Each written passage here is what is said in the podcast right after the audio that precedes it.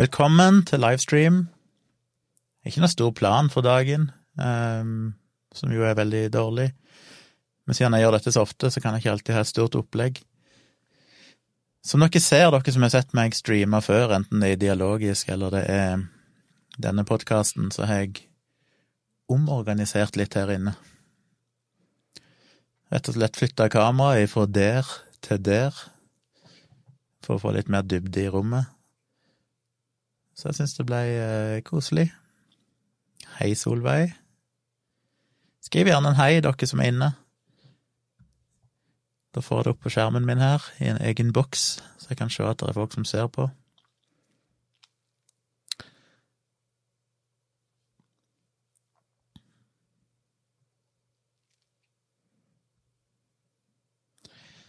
Jeg har skjermen min rett foran meg her, så jeg kommer ikke til å kikke i kamera hele tida, for dere som ser på.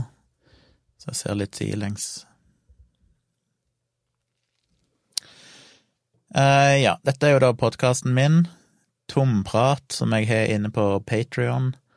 Jeg har en Patrion på patrion.com, nei, jo, patrion.com slash tjomli, som dere kan se der. Oi, jeg klarte å peke.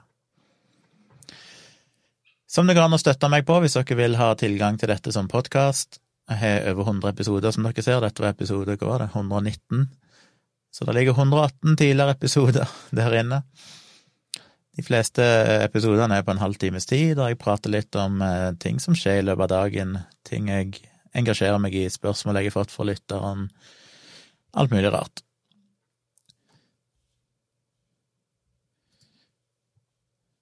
Vegard spør Hvorfor viser han feil der? Er den daglige podkasten video til vanlig, eller er det kun lyd?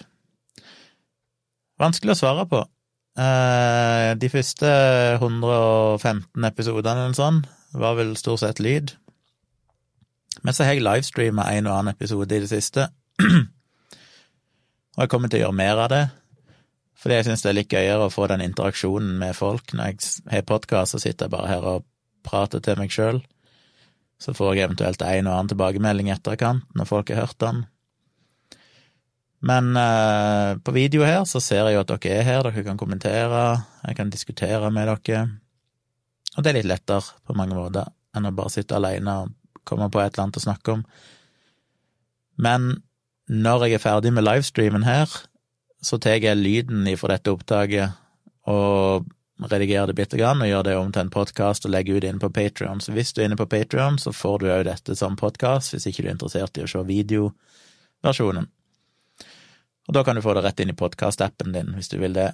Du får en egen uh, podkast-feed-URL som du kan lime inn i podkastappen, uansett hvilken podkastapp du bruker, og da kommer episodene der som en vanlig podkast, helt uavhengig av at du trenger ikke tenke på at du er på Patron eller noe sånt. Du kan òg laste ned Patrion-appen, og da kan du spille podkastene rett i appen. Eller du kan logge inn på Patrion på nett, og så spiller de av via nettsidene.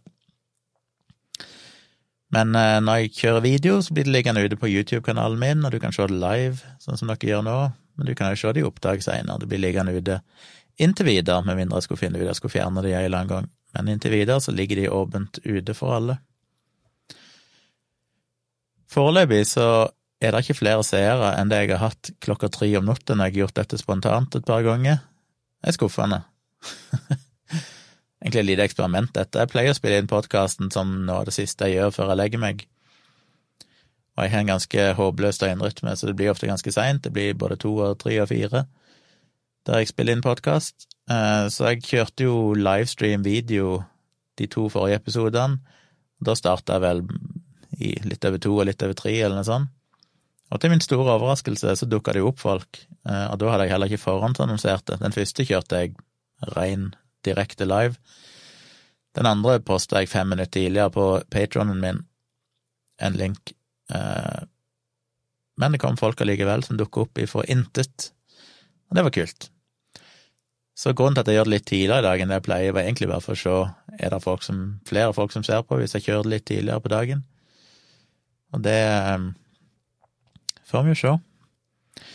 Eh, opplegget her er jo at dere må gjerne stille spørsmål hvis det er noe dere eh, vil jeg skal prate om. Nå er dere, noe dere har lyst til å si spørsmål, personlige ting, skeptiske ting, vitenskapelige ting, vaksiner, influensa Hva det nå måtte være, så er det bare å fyre løs, så skal jeg prøve å si noen tanker om det, sånn på sparket. Um, men først studioet mitt, ja. Jeg har ommøblert studio. De som hører dette som podkast, får ikke sett det akkurat, men dere får bære over med det. Er det det heter? Bære over med. Dere kan sjekke ut videoen i begynnelsen hvis dere vil se et lite bilde av studioet mitt. Jeg har to dataskjermer her som ikke dere ser. Jeg har mine gode, gamle Trusted Genelec studiomonitorer som jeg kjøpte for sikkert snart 20 år siden men de er jo helt fantastisk bra. Eh, egentlig for bra for mitt behov. Men de er jo tunge som bly. Det er skikkelig rigide ting, og Genelec er jo et veldig bra merke, så vidt jeg vet, på studiomonitorer. Så har jeg mitt Alan Allen Heath miksebord her under bordet. Jeg har plassert kameraet her. Det står og vingler litt, for jeg har satt det oppå en kasse for å få det litt opp i høyden når man får meg et eller annet. Ja, når jeg tenker meg om, så har jeg jo Nå som jeg er ommøblert, så kunne jeg jo egentlig like godt satt det på videostativet mitt. Det må jeg kanskje gjøre neste gang. Jeg har jo et eget dedikert videokamerastativ. Eh, så ser dere den oransje tingen eh, der. Eh, det er en av mange. Jeg har nemlig mange sånne akustiske paneler. Tre sånne oransje der, to som er grå. De er ca. 60 ganger 60 cm og en sånn 15 cm tjukke. Som er bestilt fra Tyskland. I taket så henger det to eh, plater, og på døra der bak ser dere det svarte. Klarer sånn ikke å peke. der! Det er jo litt lydisolasjon. Så har jeg isolasjon på skap, dørene her og Først leid i begynnelsen da jeg flyttet inn her med at det var vanskelig å få god lyd, så jeg måtte få dempa rommet litt. Det var jo et helt firkanta rom med harde vegger eh, og tak, og alt var på en måte reflekterende. Så jeg bestilte fra Tyskland en del sånne paneler og stressa og herja med å få montert de, men det hjalp veldig. Plutselig at jeg får teppe på gulvet. Så lyden her tror jeg er bra nå, det er veldig lite gjenklang. Eh, ganske godt dempa rom. Den grå tingen som står inne i hjørnet der, den runde, det er jo en sånn bassfanger som skal fange opp rumling hvis det er spiller musikk eller et eller annet som lager bass, så skal den hjelpe til med å suge opp det. Og jeg har jo det inne i hjørnet bak skjermen her på gulvet, så er en av sånn trikanta skumgummi-greie som skal fange opp litt bassrumling.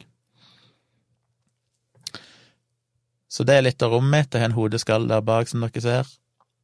Eh, Thomas lurer på eh, hvilken stol jeg har. Godt spørsmål. Det er jo sikkert det viktigste av alt. Nei, gudene vet hvilken stol det er. En stol jeg kjøpte for lenge siden. Som jeg har hatt ned på kontoret mitt, flytta fra kontor til kontor, og nå som jeg fikk hjemmekontor, så har jeg eh, flytta den hjem. Syns den er god. Den var ganske dyr. Men den er komfortabel, og det trenger jeg, for jeg sitter jo i stolen ganske mange timer i løpet av døgnet. Så det er en god stol. Eh, Mathias spør topp tre bøker jeg kan anbefale. Jeg skulle egentlig hatt et bevegelig kamera her som kunne filma bøker, for jeg har en del bøker stående her oppe.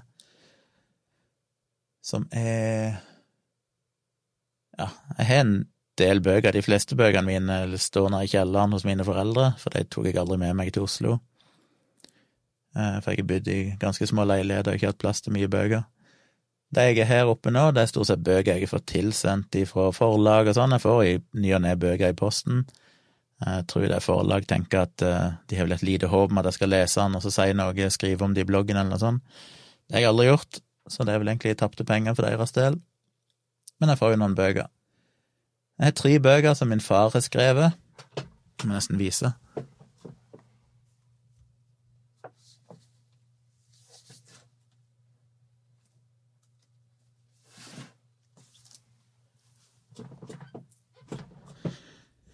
Er nesten litt pinlig, men uh, jeg uh,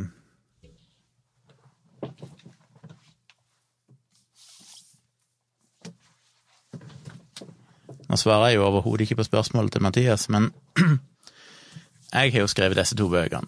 Placeboeffekten og Håndbok i krisemaksimering. Og så har min far skrevet tre bøker. En som heter Minaki, som handler om den tida han bodde i Minaki. Minaki Det er Hva land er det? Er det Tanzania, det? Jeg leser på baksida her. Eller det er i Zambia. Nei, det er Tanzania, ja. Minaki. Så det er vel den andre boka hans. Og så er vel dette den første. Det er min far og min mor. Den heter Namuala. Det var fra den første perioden de var i Afrika. Da bodde de i Zambia. Og så Til slutt skrev han eh, denne. Det vil helst gå godt. Og det er fra den tredje perioden, som var i Kenya. Der ser dere meg.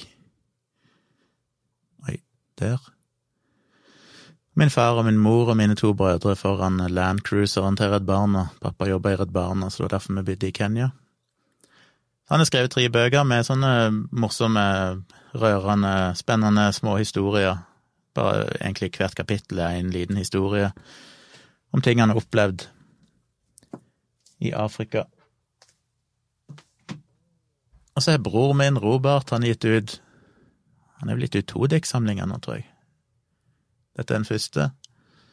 Så smilte du av Robert Tjomli. Dikt og bilder. Han er glad i å skrive dikt, så det er litt dikt og litt har tatt og sånn. Og tror du ikke mamma òg har skrevet bok om eh, tid på katolsk pikeskole. Hun er jo engelsk, vokste opp i eh, London. Hestegal. Født i London 1948. Så hun gikk da på St. Thereses, som hun alltid snakker om, og har skrevet en liten selvbiografi om eh, sin oppvekst og tid på denne pikeskolen, katolske pikeskolen. Så det er mye bøker i familien. Selv om jeg er vel den eneste som har gitt de ut holdt på, på forlag. De andre er vel selvpubliserte bøker. Tre bøker jeg kan anbefale. Jeg er ikke rette personen å spørre, for er så, det er så lenge siden jeg ikke har lest mye bøker. Jeg leste mye bøker før, vært veldig dårlig de siste årene. De bøkene jeg liker best, er jo bøker som eh, er populærvitenskapelige på en eller annen måte. Jeg er bare så dårlig til å huske titler. Skal se om jeg kan komme tilbake til det en annen gang når jeg er forberedt akkurat det. Vikram is back. Bra.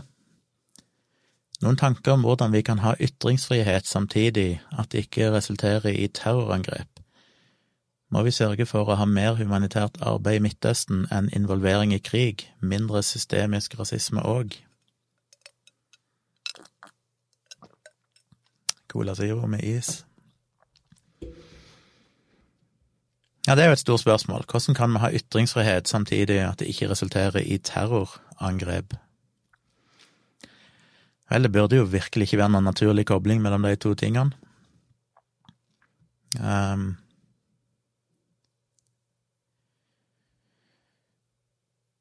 jeg eh, Tja. Greia er vel at det er jo ikke noen Etter mitt syn så er det ikke noen direkte Hvordan skal jeg formulere det? Det er vel teknisk sett ikke en direkte sammenheng mellom ytringsfriheten og terrorangrepene som blitt begått. Eh, det er vel mer, sånn jeg oppfatter det, at terrorangrepene Det blir ofte fremstilt som at det er en direkte reaksjon på en eller annen provoserende, eller ikke en nødvendigvis provoserende, men en ytring som blir oppfatta provoserende av enkelte grupper eller mennesker, individer. Og for meg så er det jo veldig politisk motivert på en eller annen måte. Det handler jo om å skape, per definisjon, terror handler jo om å skape frykt. Og selvfølgelig, alt de oppnår med det, er jo å ødelegge for seg sjøl og sine egne, men det er jo det de ønsker. De ønsker jo en konfrontasjon, de ønsker å, å skape splittelse og hat. Og så føler jeg vel at de, å reagere på de ytringene er en slags en et slags middel de kan bruke, et slags argument de kan bruke. Vi snakket jo litt om det i forrige dialogisk, meg og Dag. Sånn som den første, første gang det ble opprør om disse karikaturtegningene, så var det jo egentlig ingen som brydde seg om de i den muslimske verden før de ble ja, før journalister begynte å utfordre folk og liksom vise dem og si her, hva, hva syns jeg egentlig om dette, og så begynte jo enkelte å finne ut at dette kan brukes politisk eller brukes som et maktredskap, og begynte å heise opp stemningen og på en måte provosere fram reaksjoner. Så det er jo til dels en konstruert uh, problemstilling. Um, så jeg vet ikke. Uh, vi kan iallfall ikke gjøre noe med ytringsfriheten. Den må vi ha, den må vi beskytte. Og hvordan i all verden skal du klare å unngå disse terrorangrepene? Det er et godt spørsmål. Det siste nå som var her i, dag tidlig, det var vel så vidt jeg vet foreløpig, når jeg ikke har lest avisen på et par timer, men det siste jeg så, var vel at det var en eller annen dude som hadde kommet inn ulovlig i landet, og hvordan stopper du det, liksom? Det er jo ikke en person som bor der. Det er jo ikke noe argument mot uh, for eksempel ta imot asylsøkere, når dette var en asylsøker som hadde blitt avvist i Italia, men hadde istedenfor å reise tilbake, hadde da klart å sneke seg inn i Frankrike. Så hvordan stopper du det? Jeg vet ikke. Det er jo en helt for jæklig situasjon. Men eh, som du sier, mer humanitært arbeid i Midtøsten, altså, det er selvfølgelig ekstremt komplisert, og det er ikke noe som er lett å løse. Men sånn i det store idealistiske bildet, hadde det vært mindre forskjeller, så er det klart vi hadde jo redusert eh, sannsynligvis det det hatet og den eh, drivkraften bak en del terror. Og så er jo ikke det selvfølgelig utelukkende sant, for det at mange av terroristene som har vært, har jo vært relativt eh, middelklassemennesker med høy utdanning og så videre. Eh, men på en måte det som driver hat, er jo denne splittelsen, og den splittelsen kommer jo på en eller annen måte, eller den De frontene kommer jo på en eller annen måte på at det føles som at det er urettferdigheter i samfunnet. så har vel jeg inntrykk av at selvfølgelig har religion en rolle å spille i dette, men eh, det blir jo for enkelt, for jeg tror nok den religionen ofte blir misbrukt politisk, at det handler om grupper, grupperinger som ønsker makt, og bruker religion som et middel. For hvis det hadde vært religion, så hadde vi jo sett ekstremt mye mer av dette. Tross alt så er de aller fleste motstandere, muslimer motstandere av enhver form for terror, så du kan ikke dermed si at det er religionen i seg sjøl, men det er elementer av den religionen, av islam, kobla opp mot andre faktorer som i sum blir eksplosivt, og hvordan er verden stopper enn det? Mindre systemisk rasisme òg, spør Vikram, jeg vet ikke. Selvfølgelig ønsker vi mindre systemisk rasisme, men uh, usikker på om det er utløsende for de spesifikke terrorangrepene vi har sett. Og det tragiske, uansett hva som er årsaken, er jo at de handlingene vil jo føre til mer systemisk rasisme, eller iallfall mer rasisme blant folk, som jo egentlig er det de ønsker, virker det som. Jeg har ikke noe godt svar. Hadde jeg hatt svaret på det, så hadde jeg vel vunnet en nobelpris eller en sånn fredspris. Men um, det er frustrerende. Det er vanskelig. Det er vanskelig å stoppe individer som bestemmer seg for å gjøre det. Men det er jo som jeg har sagt før, og skrevet til enkeltes uh, Enkelte ble provosert av det, for jeg tror ikke noen av disse skjønte hva jeg mente, men som jeg definitivt står for, og det er jo at jeg er glad vi lever i et land der terrorisme er mulig å gjennomføre, for alternativet hadde vært så mye verre. Det er jo teknisk mulig, sikkert, å hindre enhver form for terrorangrep, men det vil jo kreve at vi bor i et land som er basically totalitært, som er totalt overvåka med politi overalt, og så videre. Eh, så lenge vi ønsker en viss form for frihet, så kan vi jo aldri unngå terror. Og vi ser jo de to terrorangrepene vi har hatt i Norge i nyere tid, har igjen vært enkeltpersoner som har har funnet ut de skal gjøre noe, og hvordan i verden skal du klare å, å plukke opp det uten å ha en såpass omfattende overvåking at jeg tror ingen av oss egentlig ønsker det. Så det at det går an å gjennomføre terror, er jo noe vi må leve med. Vi kan ikke på en måte stoppe det gjennom ren sånn brute forcing med å bare gjøre det umulig å gjennomføre. Vi må ha et samfunn der det er mulig å gjennomføre terror, og så må vi jo jobbe med å prøve å fjerne årsakene til at det blir begått terror. Og det er komplekst. Hadde terroren vår handla bare om det som skjedde innad i et land, at det bare utelukkende var utenforskap eller urettferdighet eller rasisme eller et eller annet sånt, så er det én ting, men det synes jo ikke å være så enkelt, eh, fordi terrorister ser ut til å komme fra alle typer mennesker, det har vi jo sett, forskjellige etnisiteter, forskjellige religioner, forskjellige eh, samfunnsklasser, og da blir det plutselig veldig komplekst. Hvordan i verden skal du angripe det problemet? Men kom gjerne med innspill hvis dere har noen gode kommentarer til det. Paper C, CSGO, som jeg aldri har skjønt det nikket der, forklar gjerne det. Ønsker de å skape splittelse og hat, skriver han, eller hun, tipper den han. Har terroristene sagt det? Han som drepte læreren, vet man vel ønsket å ta hevn for tegningene. Sa han også at han ønsket å skape splittelse i samfunnet? Jeg vet ikke om han har sagt det, han har vel sannsynligvis ikke sagt noen ting, jeg tror ikke det han er etterlatt noe manifest eller noe sånt, så vidt jeg vet, men uh, Men det er vel en relativt utbredt oppfatning at det å gjennomføre et terrorangrep har som formål å skape en, altså skape et insentiv for egentlig å kunne gjennomføre mer terror, eller for å skape ja, egentlig hat. Det er vel ganske godt kjent, eller folk er vel i stor grad enige om det, at når islamistiske grupper gjennomfører terror, så er det til en viss grad fordi de ønsker å skape den, den splittelsen, og på en måte gjøre islam mer utsatt for mer hat, sånn at de kan fòre opp under denne her konfrontasjonen mellom islam og den ikke-muslimske verden. Selvfølgelig å skape frykt og usikkerhet.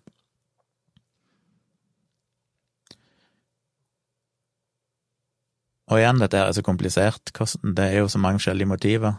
Hvis han eh, ønsker spesifikt å ta hevn for de tegningene som han franske læreren viste, så vet du jo aldri hva som ligger bak. Det kan jo være alt ifra en person som er i psykose, som har alvorlige problemer sjøl, til en oppegående, intelligent fyr som virkelig genuint mener at dette er det rette å gjøre for sin religion. Så det vet ikke jeg noe om, hva som var motivet hans spesifikt, men eh, jeg bare føler det å ta hevn for tegningene, det virker nesten urimelig at det kan ene og alene føre til at noen dreper noen. Det føles som at det må ligge noen år med et hat som er bygd opp mot Vesten, og det hatet der er jo mer komplekst, det er jo mer komplekse årsaker.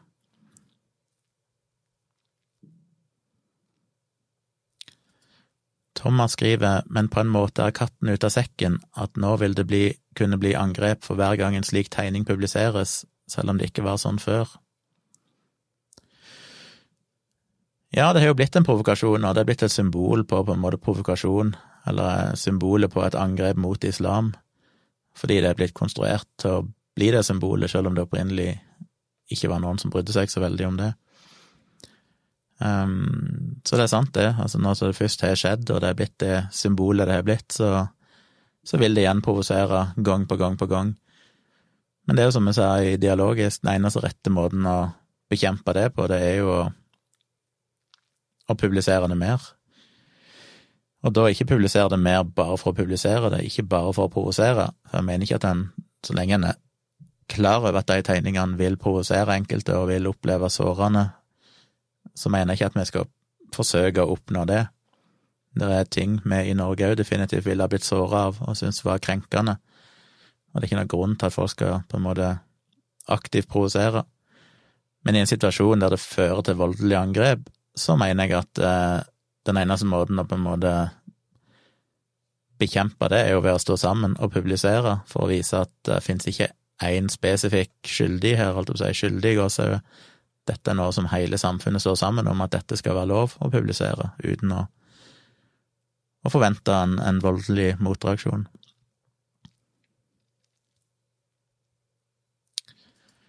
Jonathan stiller meg spørsmål om, NATO sitt sam om Norge sitt NATO-samarbeid eh, og Libya osv. osv. Det har jeg aldri engasjert meg veldig mye i, dessverre. Det burde jeg sikkert. Jeg har hatt eh, andre ting som har interessert meg mer. Så jeg har ikke noe godt svar på det. Jeg er feil person å spørre. Der er Dag veldig engasjert, eh, så vidt jeg vet. Så kanskje en må sende det spørsmålet inn til Dialogisk eller, så kan han ta en rant om det.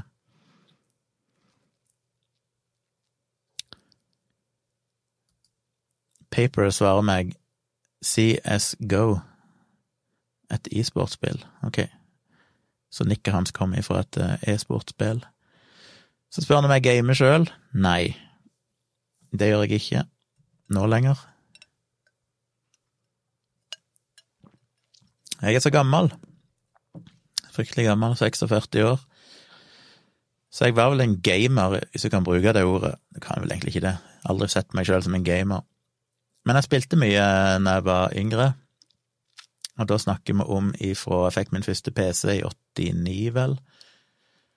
Eh, lenge før internett og sånn, så da satt jeg bare med en PC. Eneste måten å få inn og ut informasjon på var via disketter. Så jeg begynte jo å spille litt da.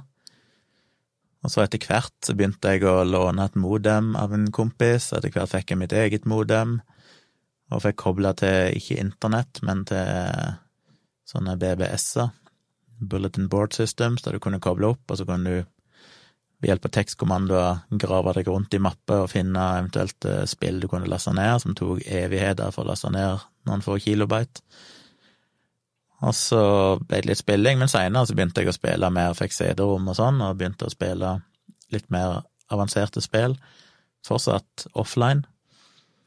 Og da gikk det i uh, mye av disse Sierra Online-spillene, Kings Quest, Police Quest, Space Quest, Leisure Suit Larry, som var store, mitt store forbilde. um, litt SimCity, litt sånn. Etter hvert så begynte vi å spille Delta Force, som vel var et av mine favorittspill. Og da nærmer vi oss eh, rundt år 2000. Da hadde jeg starta firma, vi hadde kjøpt inn en del PC-er, rigga opp nettkafé i firmalokalene våre. Vi hadde åpent hus der, så ungdommer kunne komme inn på nettkafeen. Og da satt vi av og til sjøl på kveldene, meg og vi som drev firma og kompiser, og satt i nettverk i LAN og spilte Delta Force mot hverandre til langt på natt. Og det var fantastisk. Og så ble jo det overtatt av Counter-Strike etter hvert, som var omtrent på det tidspunktet jeg slutta å spille. Så jeg falt litt av lasset omtrent sånn rett etter år 2000. Eh, og etter det så har jeg egentlig aldri brukt noe tid på spill, så det er jo egentlig 20 år siden. Men utover 90-tallet, så 90-tallet var liksom min spilleperiode, men det var jo da bare offline, alt sammen. Jonathan spør, ser jeg på meg sjøl? Føler jeg svarte veldig dårlig på det terrorspørsmålet.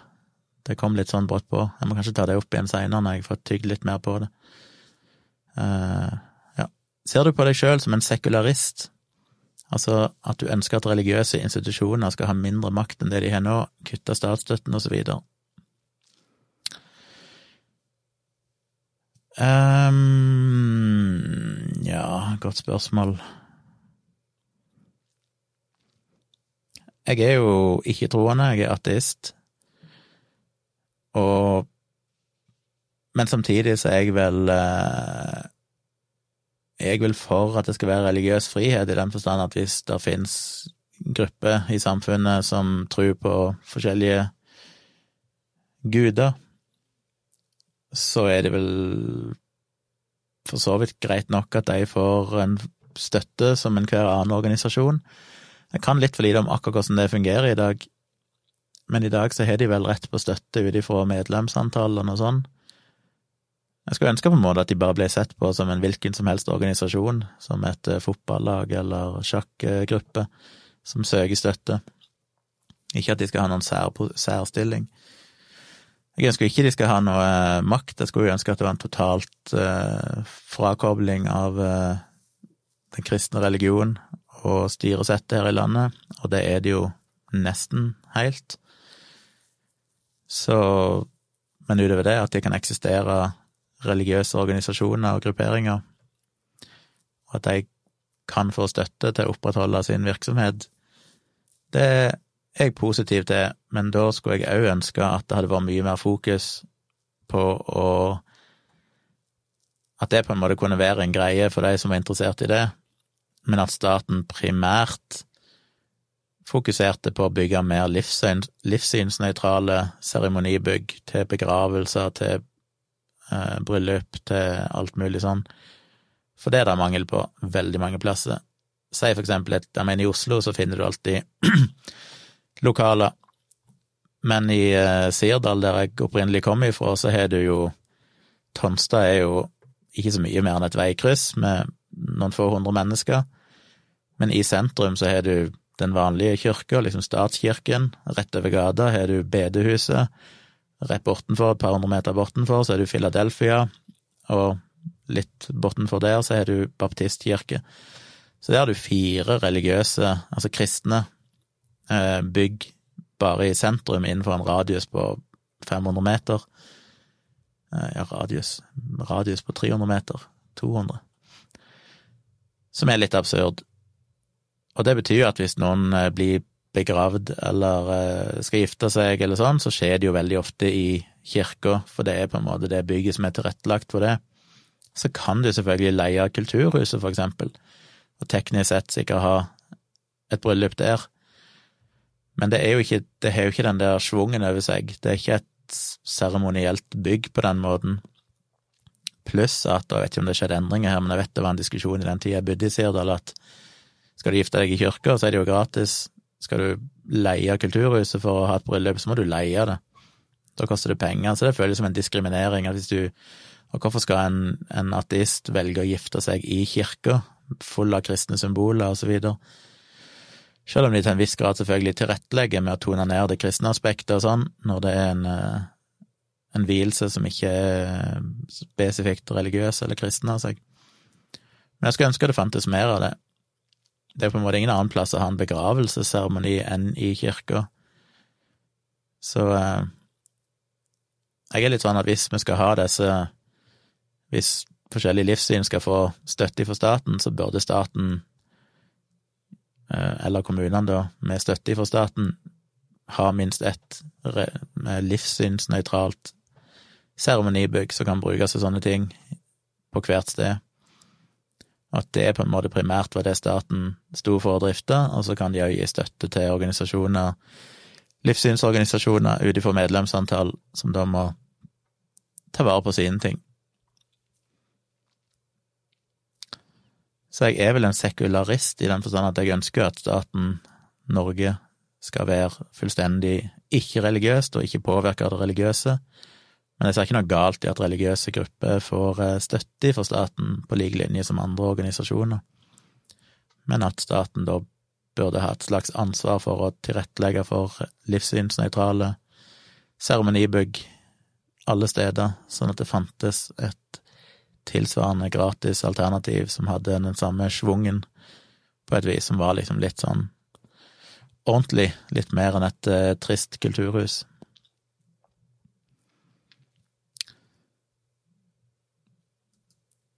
Dagfinn spør, nå tar jeg det sånn her på sparket, så jeg har ikke lest den, så jeg håper det er noe jeg går å svare på.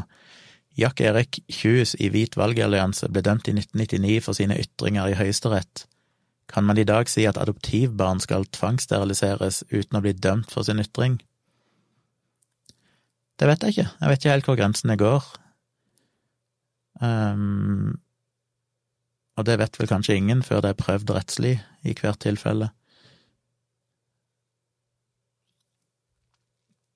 Hvis spørsmålet er om jeg syns du skal kunne si det, eh, så mener jeg vel at det skal være lov å si. Jeg har jo ikke vært noen stor fan av rasismeparagrafen i utgangspunktet, selv om jeg er litt sånn Litt mindre optimistisk med tanke på menneskeheten nå for tida. Sånn at jeg begynner å helle i retning av at kanskje vi må ha noen, eh, noen strenge grenser for hva som er lov å si etter at sosiale medier kom, og du har ikke noe redaktørfilter lenger i de fleste ytringene som blir gjort. Og da eh, Men jeg vet ikke, jeg syns det er vanskelig. Jeg er ikke noe spesielt glad i at folk, skal, folk sine ytringer skal bli innskrenka. men samtidig så er det kanskje forventa for mye av menneskeheten. Det er for mange idioter der ute til at uh, vi kanskje kan la menneskeheten ta vare på seg sjøl på den måten, uten at det blir styrt. Men det er tricky. Jeg mener at hvis det skal være en rasismeparagraf, så bør han være veldig spesifikk, og vi må være forsiktige med at ikke den glir ut til å omfatte stadig mer. Fordi det er problematisk når folk begynner å bli redd for å uttale seg eh, i former som teknisk sett ikke er meint rasistisk eller eh, diskriminerende overfor andre, men du ønsker å faktisk fremme et, eh, et argument som kan oppfattes sånn. Så kan jeg vel si at i praksis, hvis du først blir dømt for noe, så er det jo ting som helt åpenbart er over grensa. Da er det jo ikke folk som har prøvd å fremme et uh, legitimt argument, og så er de bare blitt misforstått. Så selv om loven er der, så er det jo klart at de gangene han rammer noen, så er det jo ganske, ganske åpenbare situasjoner, ytringer. Men jeg har jo vært tilhenger av dette her clear and present danger-prinsippet, at jeg mener at ytringer som utsetter spesifikke personer eller grupper får en følelse av frykt, at det oppleves som en direkte trussel for deres eh, frihet eller deres eh, sikkerhet, så bør en kunne dømmes for det. Men mer generelle uttalelser eh, bør, ikke, bør han ikke kunne dømmes for, det gjør han vel heller ikke i dag, i utgangspunktet, så vidt jeg vet. Men det er en vanskelig grense å trekke, fordi jeg ønsker jo heller ikke et samfunn der det er såpass mye ytringer som er diskriminerende og hatefulle mot grupperinger som ikke nødvendigvis er trusler eller gjør at de sånn spesifikt trenger å føle seg trua, men indirekte så føler en seg allikevel eh, annerledes.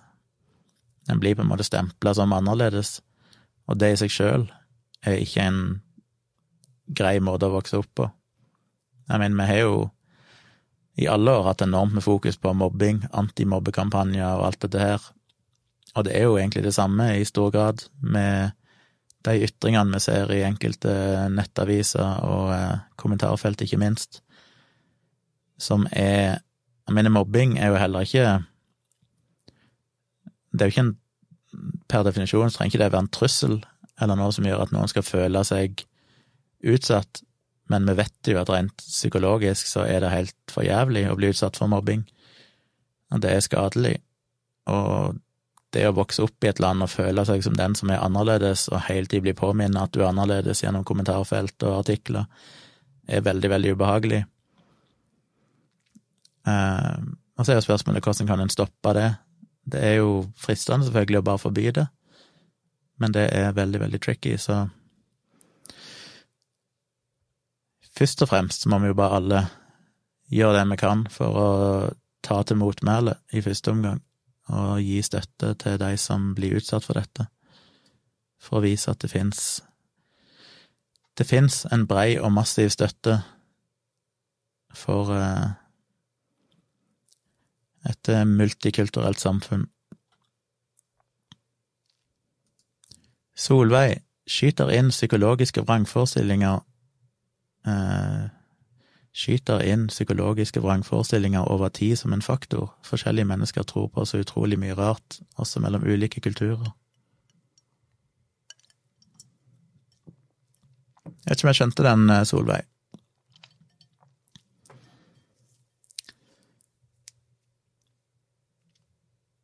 Psykologiske vrangforestillinger over tid som en faktor. Jeg vet ikke om det var en autokorrekt eller et eller annet, skyter inn psykologiske vrangforestillinger over tid som en faktor. Så eventuelt presisere den, Solveig, jeg vet ikke om jeg skjønte hva poenget eller spørsmålet var. Psyko, psycho, vikingbegravelse burde bli tilgjengelig. Full fyr på en liten gravkistebåt, høres flott ut for meg. Ja, det er vel teknisk sett ikke ulovlig eller utilgjengelig, men det er vel noen regler om hvor du kan eh, Jeg vet ikke hvordan de er i Norge, hvor du kan spre asken av lik. Det er vel ikke fritt tilgjengelig å gjøre det overalt, så vidt jeg vet. Eh, hvis det er noen som kjenner reglene for det, så opplys meg gjerne. Jeg vet at det er noen problemer med det. Hvis du har en urne med asken etter en kremering, så kan du, så vidt jeg vet, mulig at jeg er feil, ikke kaste det hvor som helst. Men eh, det er vel ikke nødvendigvis noen ting i veien for å arrangere en vikingbegravelse, hvis noen skulle ha lyst til det. Tror jeg. Korriger meg hvis jeg tar helt feil. Det høres jo Jeg mener, det er jo kulturer som den dag i dag eh, praktiserer dette, men når noen døy så bygger de et bål, og så brenner de liket, og alle står og ser på, og det er liksom en, en slags offentlig seremoni som for oss sikkert høres rar ut og feil ut, men som på en måte har mange gode, gode ting eh, som er bra på mange måter. For det er en veldig konkret sånn handling der du ser at denne personen hedrer denne personen, og den forsvinner opp i røyk, holdt jeg på å si. Eh, det fjerner kanskje frykten for døden på et vis, eller det normaliserer nok døden i større grad. Vi har jo veldig lite tradisjon i Norge for å se lik, og det å forholde oss til døde døde kropper. Og jeg er nok sjøl tilhenger av ideen om kremering mer enn å bli begravd. Det føles jo på en måte som en eh, en slags mer rein måte å gå ut av denne verden på. Det gjør du jo forhåpentligvis i god tid før du blir brent eller begravd, men å bli kvitt selve kroppen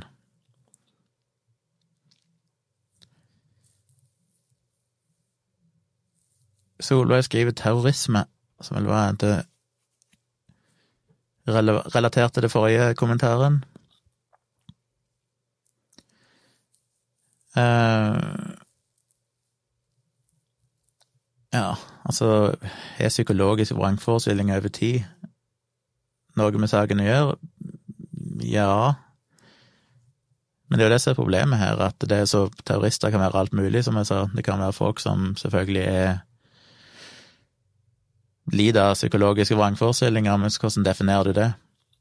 Jeg vil jo si at mye religiøsitet generelt sett er en form for vrangforestilling, men ideen om at du snakker med en, en gud, er jo, hvis du sånn virkelig genuint tror at du kommuniserer telepatisk med noen som kan lese tankene dine, så er jo det en, en vrangforestilling. Men den er jo mild i den forstand at du kan jo være 100% fungerende. Stor del av verden har jo den ideen, uten at det påvirker de som eh, mer eller mindre rasjonelle mennesker i hverdagen. Så det er jo grader av det. Men jeg vil jo si at religiøs indoktrinering, enten det er islam eller kristendom eller andre religioner, er jo etter mitt syn barnemishandling og fører definitivt til, til skader rent uh, mentalt. Det er ikke sunt å gå rundt og, og tro på den type ting. Og igjen, det er grader her. Jeg sier ikke at alle som er religiøse, er skada, men jeg har sjøl hatt nok å gjøre med folk der jeg kommer ifra, som har såpass drøye ideer om hvordan verden henger sammen. Alt ifra å være unge ungjordkreasjonister eh, til å være overbevist om at alle psykiske problemer er relatert til at de er besatt av onde ånder, som jeg tenker er en farlig holdning å ha, en veldig uheldig måte å se verden på. Og trenger ikke bare være religion, jeg mener se på QAnon-konspirasjoner i USA og resten av verden etter hvert, der folk klikker fullstendig. Og rett og slett er villige til å drepe fordi de tror på ideene i disse konspirasjonene, som jo er psykologiske vrangforestillinger, og det fører jo til terrorangrep. Her i Europa er vi jo mest vant til de siste årene, det var veldig annerledes hvis en går noen tiår tilbake igjen, men de siste 20 eh, årene så har jo definitivt, vel, de fleste sånn alvorlige terrorangrep vært begått av eh, ekstremister i, i, islam, i, islam, islamister. Mens i USA, for eksempel, så er det jo en betydelig overvekt av kristenfundamentalister som begår eh, terrorhandlinger. Så begge deler er religion, det er forskjellige religioner. Men det er helt åpenbart at det fundamentale problemet er jo at gjennom religion så blir du indoktrinert til å ikke tenke kritisk, i den forstand du bør tenke kritisk. Og det er farlig, fordi da begynner du å innta ideer om at du på en eller annen måte har en direkte kontakt med sannheten, uavhengig av hva evidens viser. Og når du først har kommet inn i det sporet at du tror du eier en form for sannhet, som ikke trenger å dokumenteres empirisk på noe vis, eh, og er på en måte immun mot kritikk, da er du jo egentlig villig til å gjøre hva som helst, hvis du virkelig, virkelig tror på det, og hvis du virkelig føler at det er noen som truer det, for eksempel som en muslimsk ekstremist, eh, som mener at en, en karikaturtegning av Muhammed er en eh, er et ballespark til den guden du tror er allmektig, eller den profeten du mener er hellig, på et vis, og at det er din jobb på jorda å forsvare. Og det er farlig, men det koker jo til syvende og sist ned til at det er folk som er har fått sine kritiske evner ødelagt systematisk, ofte ifra barndommen, selv er noen som konverterer relativt kjapt og blir radikalisert, enten det er gjennom islamisme, eller det er kristenfundamentalister, eller det er QAnon.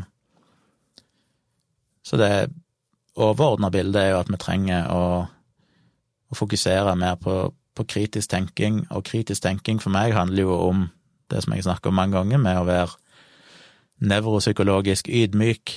Det handler jo om å være ydmyk, at du er klar over at du kan ta fullstendig feil, og når du alltid er klar over at du kan ta feil, så skal det mye til å gjøre dramatiske ting som å ta liv. Det er jo først når du har den ideen om at du kan på ingen slags måte ta feil, det du tror på er per definisjon sant, det er da du blir farlig. Så det å på en måte lære tvil er jo kanskje noe av det viktigste vi kan gjøre med barn ifra skolealder, det å tvile på alt du tror på, hele tida. Aldri ta for gitt at du har funnet sannheten. Hvis alle mennesker var prega av en sånn tvil, der du bare aldri føler deg sikker på at du egentlig har funnet meninga med livet, eller funnet et svar, så vil vi egentlig ikke ha noe grunnlag for terrorisme eller vold i uh, religionens navn. Det trenger ikke bare være religion, det kan være mange form for livssyn eller ideer, men poenget er det at så lenge du alltid er tvilende til det du tror på, så vil det være veldig vanskelig å gjennomføre den type handlinger. Jonathan spør igjen, eh, stiller et nytt spørsmål. Har Norge et særskilt ansvar for å ta imot flyktninger? Jeg må drikke litt.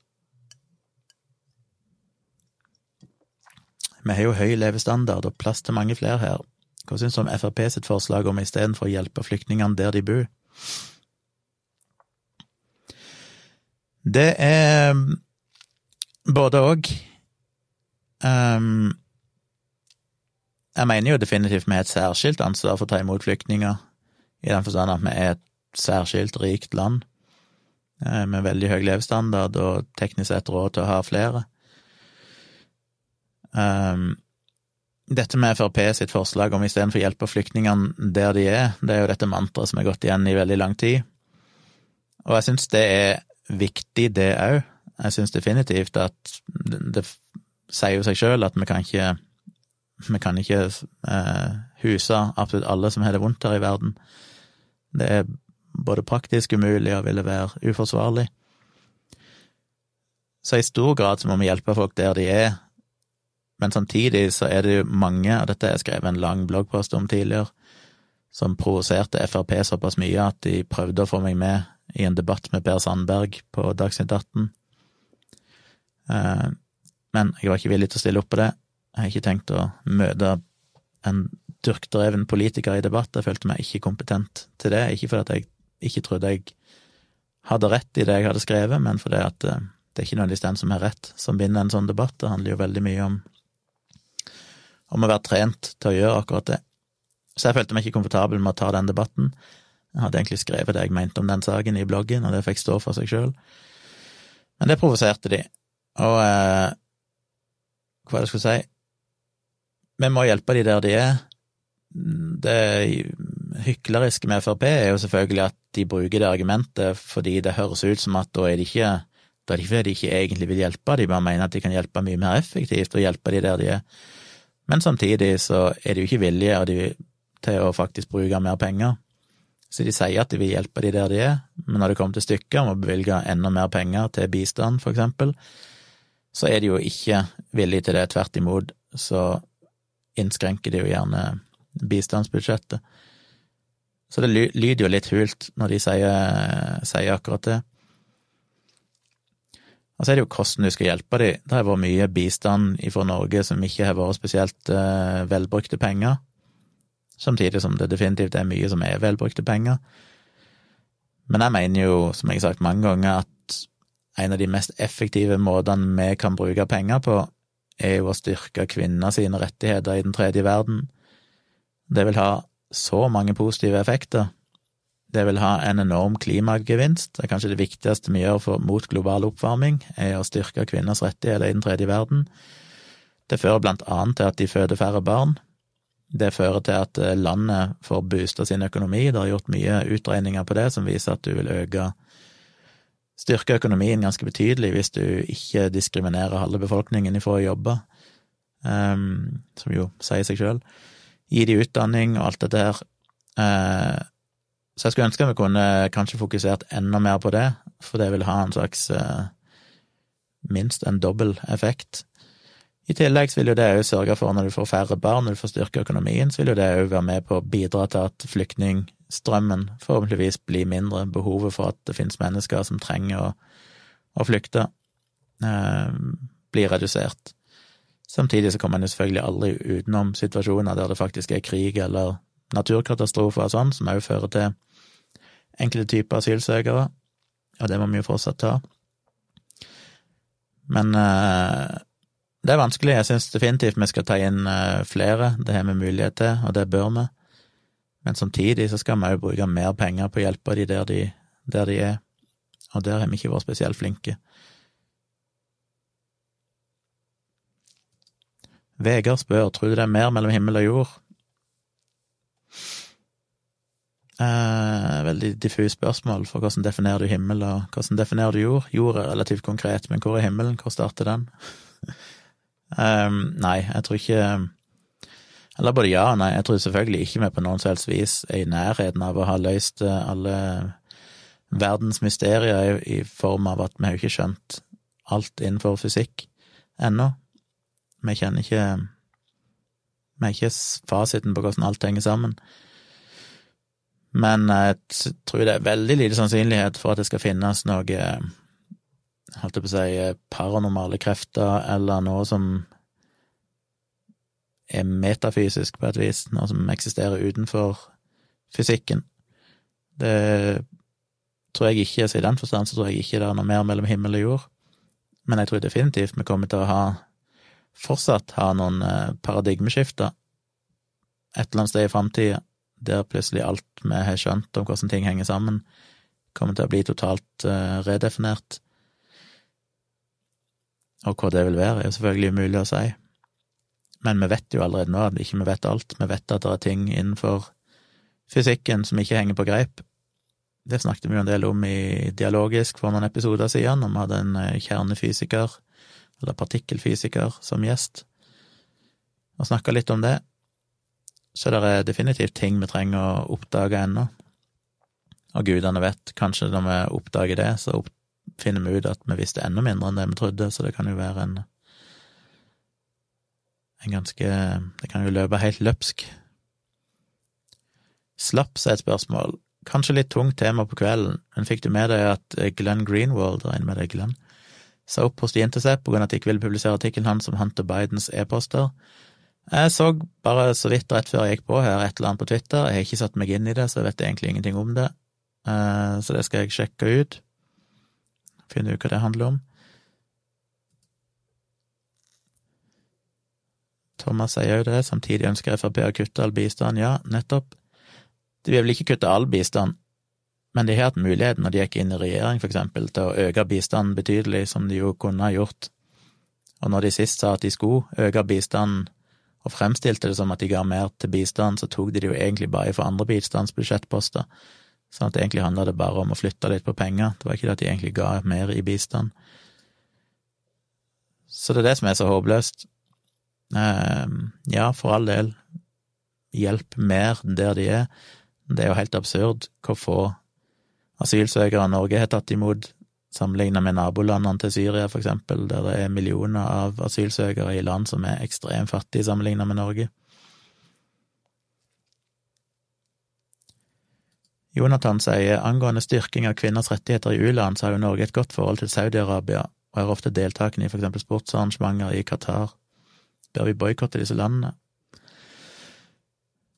Det er jo et komplisert spørsmål. Sånn i prinsippet, ja. Jeg syns vi burde definitivt ta aktiv avstand ifra land som, som har et sånn kvinnesyn og, og sånne lover som de har i disse landene. Samtidig er ofte boikott vanskelig, for i det øyeblikket du boikotter noen, så kan du òg miste din, din, mulighet til å påvirke. Så jeg mener at vi bør eh, Og igjen, jeg kan altfor lite om akkurat hva Norge gjør i denne sammenhengen, men rent sånn prinsipielt så mener jeg at vi bør sørge for å kunne ha en tilstedeværelse på en måte som gjør at vi kan påvirke, eh, og samtidig ta avstand ifra det de driver med.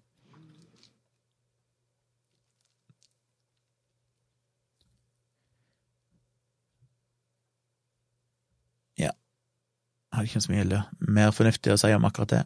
Kjør på med spørsmål hvis dere har noe mer på hjertet. Jeg setter pris på det. Jeg vet ikke om jeg har så veldig gode svar, men uh, kanskje det er underholdende å se på uansett. Og jeg setter veldig pris på om dere kommenterer mine svar. Om dere er uenige eller vil tilføye noe eller vil eh, korrigere meg på feil, så må dere gjerne fyre løs, det er sikkert mange som ser der ute, som kan mer om disse tingene enn det jeg kan. Det er bare jeg som er dum nok til å sitte her og livestreame meg sjøl mens jeg svarer på det. Mens jeg venter på flere spørsmål, så må jeg jo bare minne dere på at eh, nå står det på dette bildet her Hvor må jeg peke da? Jeg må peke sånn. Det står her at det er tomprat med Gunnar Kjomli, det er altså podkasten min. Jeg kjører det som en livestream, men jeg gir det ut som podkast inne på Patron, og der finner dere òg mye mer innhold. Dere finner foredraget jeg har gjort. Både et foredrag som jeg kjørte live på Patron, som en livestream. Og så har jeg to foredrag som er blitt filma, som jeg har holdt forskjellige steder i landet. Og flere foredrag kommer. Dere finner jo en ukentlig livestream med meg og min samboer Tone hver søndag kveld, som vi kjører en uh, samboerprat, kaller vi det, der vi snakker om mer personlige, intime, tidvis ting, som dere får med dere hvis dere er patrons. Og jeg har òg lest inn begge bøkene mine, sittet her i godstolen på kontoret mitt over mange kvelder og lest disse to bøkene høyt for folk, og de ligger ute både som video og podkast, eller lydbok, kan du jo kalle det, inne på Patrion. Så hvis du blir Patron-medlem, som koster på det minste nivået fem eh, dollar eller fem euro eller fem pund med noen små forskjeller, regner jeg med, avhengig av kursen. For du kan velge hvilken eh, valuta du vil bruke, men fem ish, så får du tilgang til alt det. Så må du opp på ti dollar i måneden hvis du skal ha med deg samboerprat i tillegg. Og går du helt opp på 20, så får du òg en av bøkene mine signert sendt i posten. Helt gratis. Så støtt meg gjerne på Patron, men det aller viktigste er ikke nødvendigvis det dere får for å bli patron.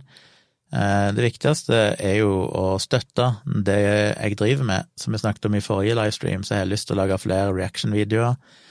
Daske litt Åndenes makt, daske litt eh, ja, 5G-strålingshysterikere. Andre ting jeg finner på YouTube. Jeg har fått noen tips allerede, jeg har begynt å forberede meg, jeg skal lage noen flere videoer om det. Men det koster mye tid. Det har kosta meg mye i teknisk utstyr, og men det er tida som er det dyreste, det å kjøpe meg sjøl den friheten til å kunne bruke mange, mange timer og dager på å lage sånt innhold. Så hvis dere syns det er verdifullt, støtt meg på Patron, så hjelper dere meg veldig til å kunne drive med, med den type folkeopplysning.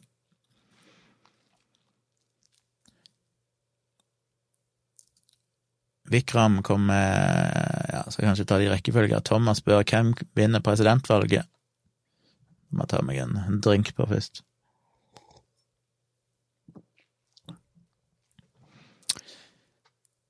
Det vet jo selvfølgelig ingen. Jeg har jo så lyst til å tro at alt peker i retning av at Biden vinner, Men eh, jeg lot meg jo lure over forrige valg. Nå peker jo statistikkene i retning at det er ganske mye større sprik mellom eh, Biden og Trump enn det var mellom Clinton og Trump. Så jeg liker å tro fortsatt at eh, det skal gå rette veien denne gangen. Men jeg vil ikke bli helt overraska om et eller annet skjer helt på tampen, og det er vel noen tegn på at Trump begynner å ta innpå nå på tampen. At plutselig så kan han risikere å vinne likevel, så Men jeg kan jo si at eh, Biden vinner valget. Det kan jeg si som en spådom, sånn at når han vinner, hvis han vinner, så kan dere si det var klarsynt fordi jeg sa det her og nå, dokumenterbart, før valget. Og hvis jeg tok feil, så har dere glemt det. Så har ingenting å tape på å bare si at jeg er 100% sikker på at Biden vinner valget. Det så jeg i et syn her i natt. Vikram eh, sier, håper jeg uttaler navnet ditt rett, hva syns du slike som Deepak Chopra bruker vitenskapsbegreper i for eksempel fra kvantefysikken til å fremme sitt budskap? Når det er sagt, så er kvantefysikken ganske mystisk, kan virke som paravitenskap. Ja, både òg eh, Kvantefysikken eh, virker jo mystisk, men den er jo veldig godt dokumentert, veldig mye av det. Den er jo utført utallige tester som bekrefter at matematikken og hypotesene de opprinnelig hadde, viser seg å stemme. Så det som er mystisk med det, er jo bare at det er så kontraintuitivt. Vi er jo vant med å se verden på makronivå, så det som skjer på det mest mikroskopiske nivået, vil jo avvike ganske betydelig fra det og virke helt mind-blowing for oss. Det har vi jo hatt uh, minst én episode om i Dialogisk, der jeg har ranta ganske lenge om de tingene der, om disse paradoksene som oppstår innenfor kvantefysikken. Um, og er superspennende.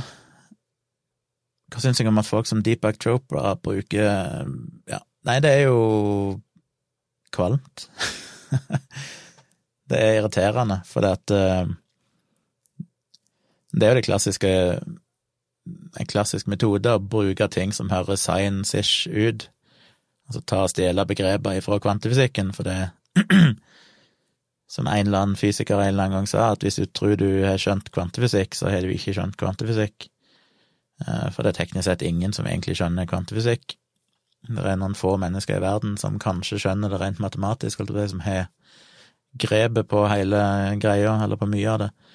Men det er jo vanskelig å forstå i den forstand at vi har en hjerne som egentlig ikke er evolvert til å kunne forstå det, fordi det er så kontraintuitivt mye av det. at Vi må bare akseptere det matematisk, og at vi ser det gjennom de testene vi gjør, at det faktisk stemmer. Så det å bruke sånne begreper for kvantefysikken er jo genialt, i den forstand at da gir du påstandene dine en eim av legitimitet. Legi, legitime, legitimitet, er det så mange stavelser? Eh, samtidig som det du sier egentlig ikke betyr noen ting, for det har ingenting med kvantefysikk å gjøre, det du sier. Og det blir jo veldig mye en slags God of the Gaps-argumentasjon, at du tar konsepter der vi ikke nødvendigvis har skjønt alt, og så fyller du det hullet ved å bare bruke det på den måten som passer deg. Og det er Det er uredelig, og det er provoserende å misbruke noe som faktisk er så mye forska på, der en kan finne ut fundamentale sannheter om universet, og bevise det matematisk og gjennom eksperimenter, og så på en måte tar en fruktene av så mye hard jobbing over de siste hundre pluss årene, og bare kaste det bort på et eller annet svada som passer deg, og bare misbruker begrepene. Men det funker jo. Det funker, for det får jo Det, jo, det går igjen med alt. Alt fra Frp sitt hjelpe de der, det er, der de er, til eh, argumenter imot eh, i pandemisituasjonen her nå, som folk bruker, eh, mot lockdown. Altså, det gjelder å finne de der tingene som høres for folk som ikke kan så mye om det, så høres det fornuftig ut. Det høres 'oi, dette her er jo logisk'. Og så hvis de virkelig dykker ned i de, så ser de at 'oi, dette er jo fullstendig feil'. Men du må ha denne auraen, for å bruke det begrepet, av noe som høres overbevisende logisk ut og har et snev av vitenskapelig eh, vitenskapelighet i seg, så kan du vinne mange følgere. Fordi da føler folk seg smarte, de føler at de har Det er liksom latmannens måte å føle seg smart på. De trenger ikke å faktisk sette seg ned og lese mange bøker om kvantefysikk. Istedenfor så kan de bare ta liksom og skumme overflata ved noen begreper, og så tror de at de har skjønt det. Og så tror de at det forklarer å fylle inn de tomrommene i deres egne oppdikta livssyn og ideer. Så det er irriterende. André sier at jeg gamer med blant annet en kvinnelig svensk forskolelærer og sønn av en oljesjeik i UAE, United Arabic Emirate, Emirates, er ikke det det står for. Eh, de er gøy å høre diskutere barneoppdragelse etc. Ja, det vil jeg tro. Det høres ut som nesten så rake motsetninger som du kan få. Spørsmålet er jo hvor du står oppi dette, André. Er du sånn midt imellom, eller er du nærmere hos svenske førskolelæreren? Eh, men det jeg begynte å si, kjør på med flere spørsmål hvis dere har. Det jeg begynte å si i stad, i forrige pause, spørsmålspause, det var jo bare podkasten min, nei, patronen min. Eh, støtt meg gjerne der. Da får dere tilgang til mer innhold. Jeg legger jo ut eh, innimellom litt eksklusivt innhold, i tillegg til det som allerede finnes der, så kommer det mer.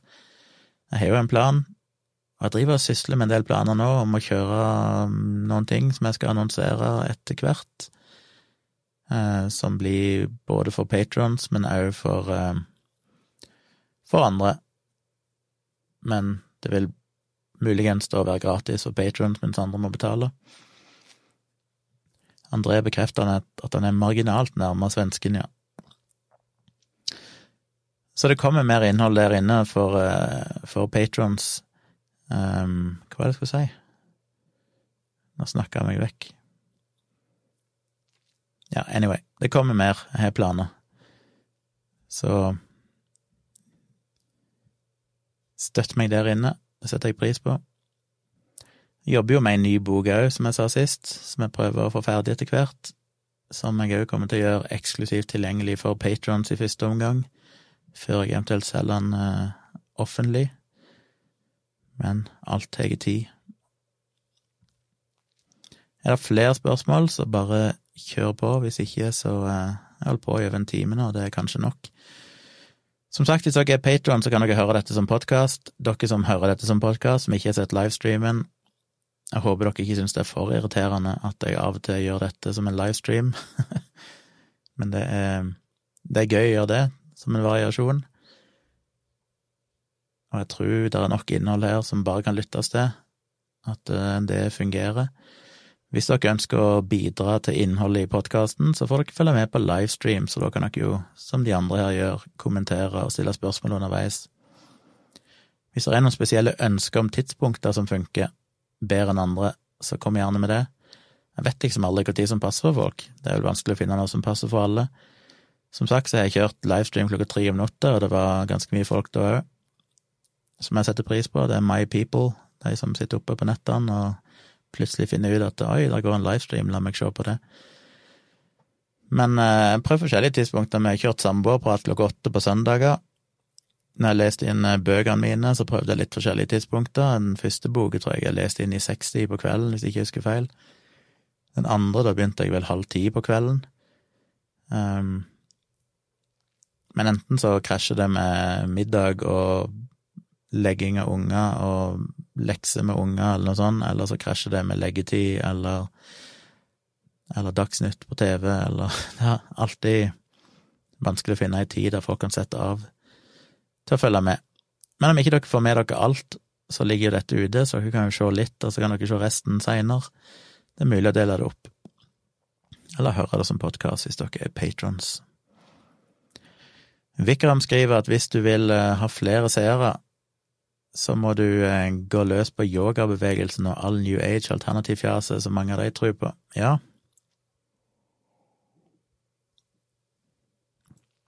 Det er Det er frustrerende. Jeg mener, jeg er positiv til yoga som en eh, en eh, mosjon eller styrketrening, bevegelighetstrening men det er synd at de skal blande inn så mye jalla i det.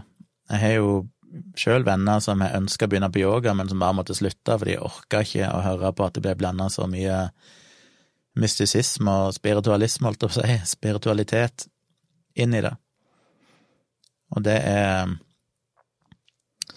Det er synd, fordi det er helt unødvendig. Yoga har en verdi i seg sjøl, uten at du må blande inn noe fjas. Og det minner meg på at neste helg, ikke nå til helga altså, men neste helg, så kjører de Nyt-festivalen i Oslo, som jeg var på første året, for to år siden. I fjor var jeg der vel ikke, for jeg hadde ikke tid. Mulig jeg skal prøve å være der i år, for de har veldig mye interessante foredrag og sånn, og det er en slags eh, ei helg fra fredag til søndag, tror jeg. En slags hyllest til positiv seksualitet, der de har foredrag om alt mulig, om sex hos eldre, til menn og sex, til BDSM og kink, til poliamorositet, til sexoppdragelse for barn, altså eller sånn hvordan skal du fortelle barn om sex, til sexarbeid og porno, til mer historiske trender seksuelt. Vi skal på mandag ha ei av de som skal holde foredrag der, skal vi ha som gjest Astrid Karine Lundgren, som er arkeolog og har jobba mye med sex i antikken, altså sex i det gamle Hellas og, og Romerriket, hvordan så de på seksualitet og mannlig prostitusjon og alt mulig som var vanlig i den tida. Vi skal snakke litt om det i neste dialogisk, men hun skal holde foredrag der. Så det er veldig mye forskjellige tema. Det som har irritert meg, og som jeg vel nevnte sist jeg var der, er at jeg er jo veldig for sexpositivitet og åpenhet rundt seksualitet, men jeg føler på mange måter at alternative mennesker har til en viss grad kapra det, fordi den vitenskapelige, skeptiske, hva skal du kalle det, akademiske eh, grupperingene i samfunnet har på en måte ikke helt tatt tak i seksualitet. Og derfor opplever jeg at veldig mye av de tingene når de snakker om seksualitet, så blir det ofte kobla inn veldig mye sånn mystisisme Sånn som tantra og, og, alt dette her. Det er sånn Tantra kan jo være en rein Jeg har ingen erfaring med tantra, jeg vet veldig lite om det, men det kan jo være en, en, eh, en rein sånn seksuell øvelse, altså øvelse i å kontrollere orgasme og øvelse i å nytelse og egen og andres nytelse og alt dette her, som jeg er 100% for. Jeg syns det er bra, det er en slags åpenhet og en øvelse folk kan gjøre, og snakke om det, og det er veldig sensuelt og fint så vidt jeg vet. Men så skal de blande inn så mye sånn mystisisme. Og jeg har fulgt noen sånne grupper på Facebook òg, der det er sånn Jeg er superpositiv til det de driver med, men hvorfor i all verden må annenhver post handle om et eller annet paranormalt? Hvorfor skal de blande inn det? Kan ikke bare Kan ikke ting bare være det det er? Det er akkurat som at folk må tilføre alltid noe mystisk, fordi det gjør det mer spennende og kanskje gi de et begrepsapparat og forklare ting de kanskje ikke har ord for å beskrive. Eh, men det er synd. Det er synd at alternativ, eh, alternative grupperinger har kapra i til en viss grad yoga og kanskje en del meditasjon, type ting, og seksualitet på den måten. Og det er jo ikke deres feil. Den eneste feilen er jo oss skeptikere, alt jeg å si, og sånn, som har ikke omfavne det på riktig måte. Og det er synd. Så det er faren med å på en måte ikke adressere den type spørsmål, det er jo at der finnes det andre grupper som vil kaste seg over, over det og kapre det, og etter mitt syn ødelegge det, gjøre det utilgjengelig for andre fordi det blir så mye fjas at det bare ikke er attraktivt lenger. Og det ser jeg nok litt av på den Nytfestivalen òg, det var iallfall litt av det siste var der som irriterte meg. Jeg skulle ønske at de kunne ha vært kjemisk fritt fra alt det alternative fjaset de må blande inn. Men uh, det er der, dessverre. Og da må man jo bare, folk som meg og andre som støtter kritisk tenking og vitenskap og dette, må bare snakke mer om det og prøve å ta det litt tilbake igjen. Og det prøver iallfall jeg, gjennom podkaster og forskjellige arenaer, men uh, vi trenger å være flere. Solveig sier at det er første gang for hennes del. Hyggelig og behagelig. Det er jo hyggelig å høre. Jonathan sier at jeg har allerede gått løs på Henriette Lien. Mer av det. Ja, det er jo min mest uh, suksessfulle video noensinne, som har fått ganske mye views. Som er som alt når jeg blogger og sånn òg, alltid like overraskende for meg hvorfor noen ting som bare plutselig går viralt, holdt jeg på å si. Og den gikk vel liksom viralt på en måte i noen dager, som var veldig gøy. Men jeg visste jo ikke det på forhånd, at folk skulle plutselig interessere seg i den. Eh, jeg visste kanskje ikke hvor mye folk mislikte Henriette Lien. Jeg hadde ikke noe personlig vendetta imot henne. Jeg bare oppdaga den videoen og syntes det var idiotisk det hun sa, og ønska å kommentere det. Men jeg tror tydeligvis jeg pirka borti et eller annet, at det var mange, inklusiv av hennes kollega, holdt jeg på å si, i samme bransje som hun er, som eh, så ut til å være glad for at noen tok tak i det fjaset hun lirte av seg. Men jeg liker veldig godt sånne videoer, å adressere påstander. Det er jo det jeg har gjort i bloggen min alltid. Påstander som står i avisene, eller ting som er skrevet. På YouTube så er det jo lettere kanskje å ta videoer, så det er lett å Jeg har gjort det litt med I tillegg til Henriette Lien, så har jeg gjort noen reaction-videoer, på si, på sånne 5G-aktivister som lager videoer der jeg kan ta for meg påstandene deres og kommentere dem underveis, og det ønsker jeg å gjøre mer av, og der vil jeg alltid ha tips. Eh, det er ikke alltid like lett å finne sånne videoer sjøl, for de må være korte nok. Jeg ønsker ikke å begynne å gå løs på en 40 minutters video, for da vil jo min video, video bli tre timer lang. Men sånne fem-ti minutters videoer der det går an å adressere spesifikke påstander, det vil jeg gjerne ha tips til. Så kan jeg se hva jeg får tid til å gjøre.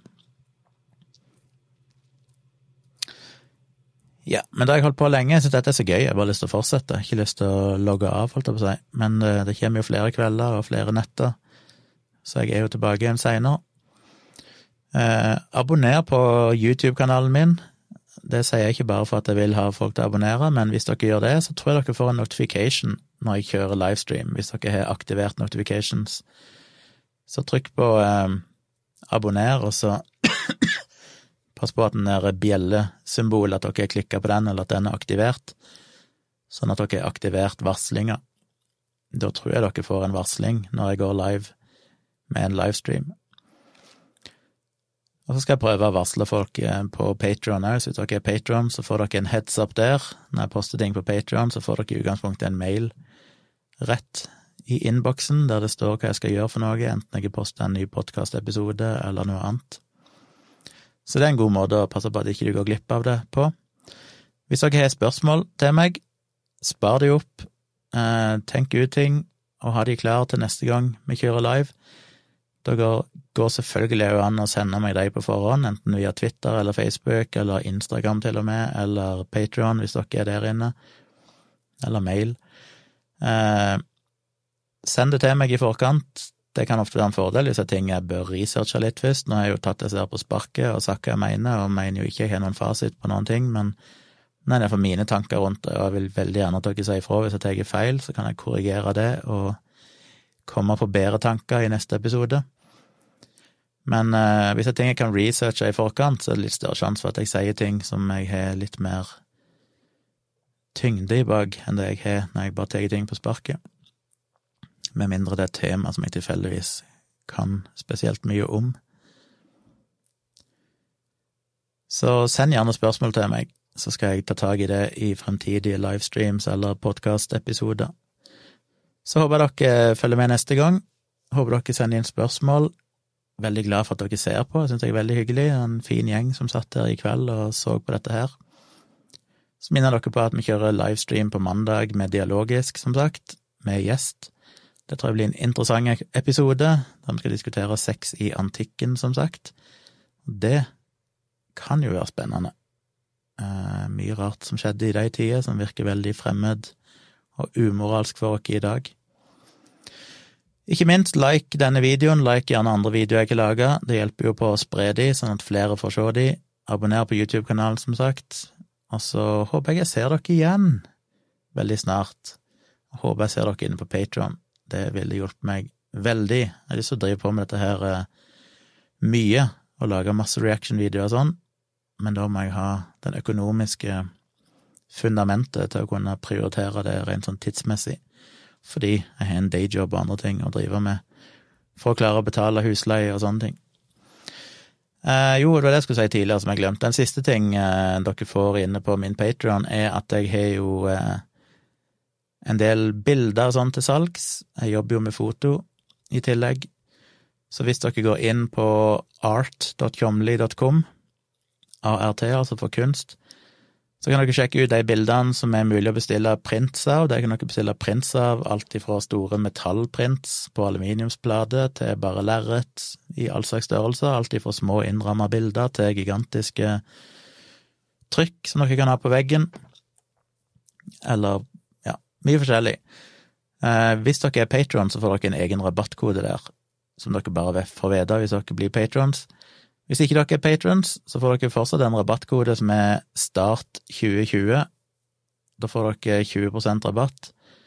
Med patron-koden så får dere enda mer rabatt, men den må dere bli patrons for å få. Så hvis dere ser et bilde inn på art.comly.com som dere syns er fint og har lyst til å ha på veggen, bruk koden START2020, så får dere 20% rabatt på den bestillinga. Det gjelder bare de ti første, og noen av de er brukt opp allerede, så Vet ikke hvor mange som er igjen, gjelder å bruke de mens de er tilgjengelige. Blir dere patron, så får dere enda mer rabatt. Eller kan dere også sjekke ut foto.tjomli.com. Foto på norsk, foto.tjomli.com. Der ligger alle bildene mine. Eller ikke alle, da, men de jeg har lyst til å vise fram. Eh, så der er mer et galleri, min portfolio, portefølje, som dere kan sjekke ut. Og liker dere de bildene, så går det an å booke meg til fotosessions og bryllupsfotografering og portrettfotografering og eventfotografering og mye forskjellig. Og det hadde jeg satt pris på. Det er jo en måte å støtte meg på, og booke meg inn til ting. Og ellers så holder jeg jo foredrag om mye forskjellig. Eh, jeg skal holde et foredrag i Larvik 29. november, om en måned altså. Hvis dere er i Larviksområdet, så skal jeg holde et foredrag om kritisk tenking der. Men jeg vil gjerne holde mer foredrag. Jeg har holdt eh, hva er det nå, over 130 foredrag i inn- og utland, men det var litt tørt nå i koronaperioden. Så hvis dere ønsker at jeg skal komme og snakke om kritisk tenking eller eh, andre ting, så send meg gjerne en henvendelse, så ser vi om jeg kan få til det. Jeg reiser rundt overalt for å holde foredrag. Så det er mye jeg kan bidra med hvis dere tar kontakt. Men da runder vi av her, og så ses vi igjen, eller høres igjen, ganske snart, håper jeg. Takk for at dere hørte på eller så på.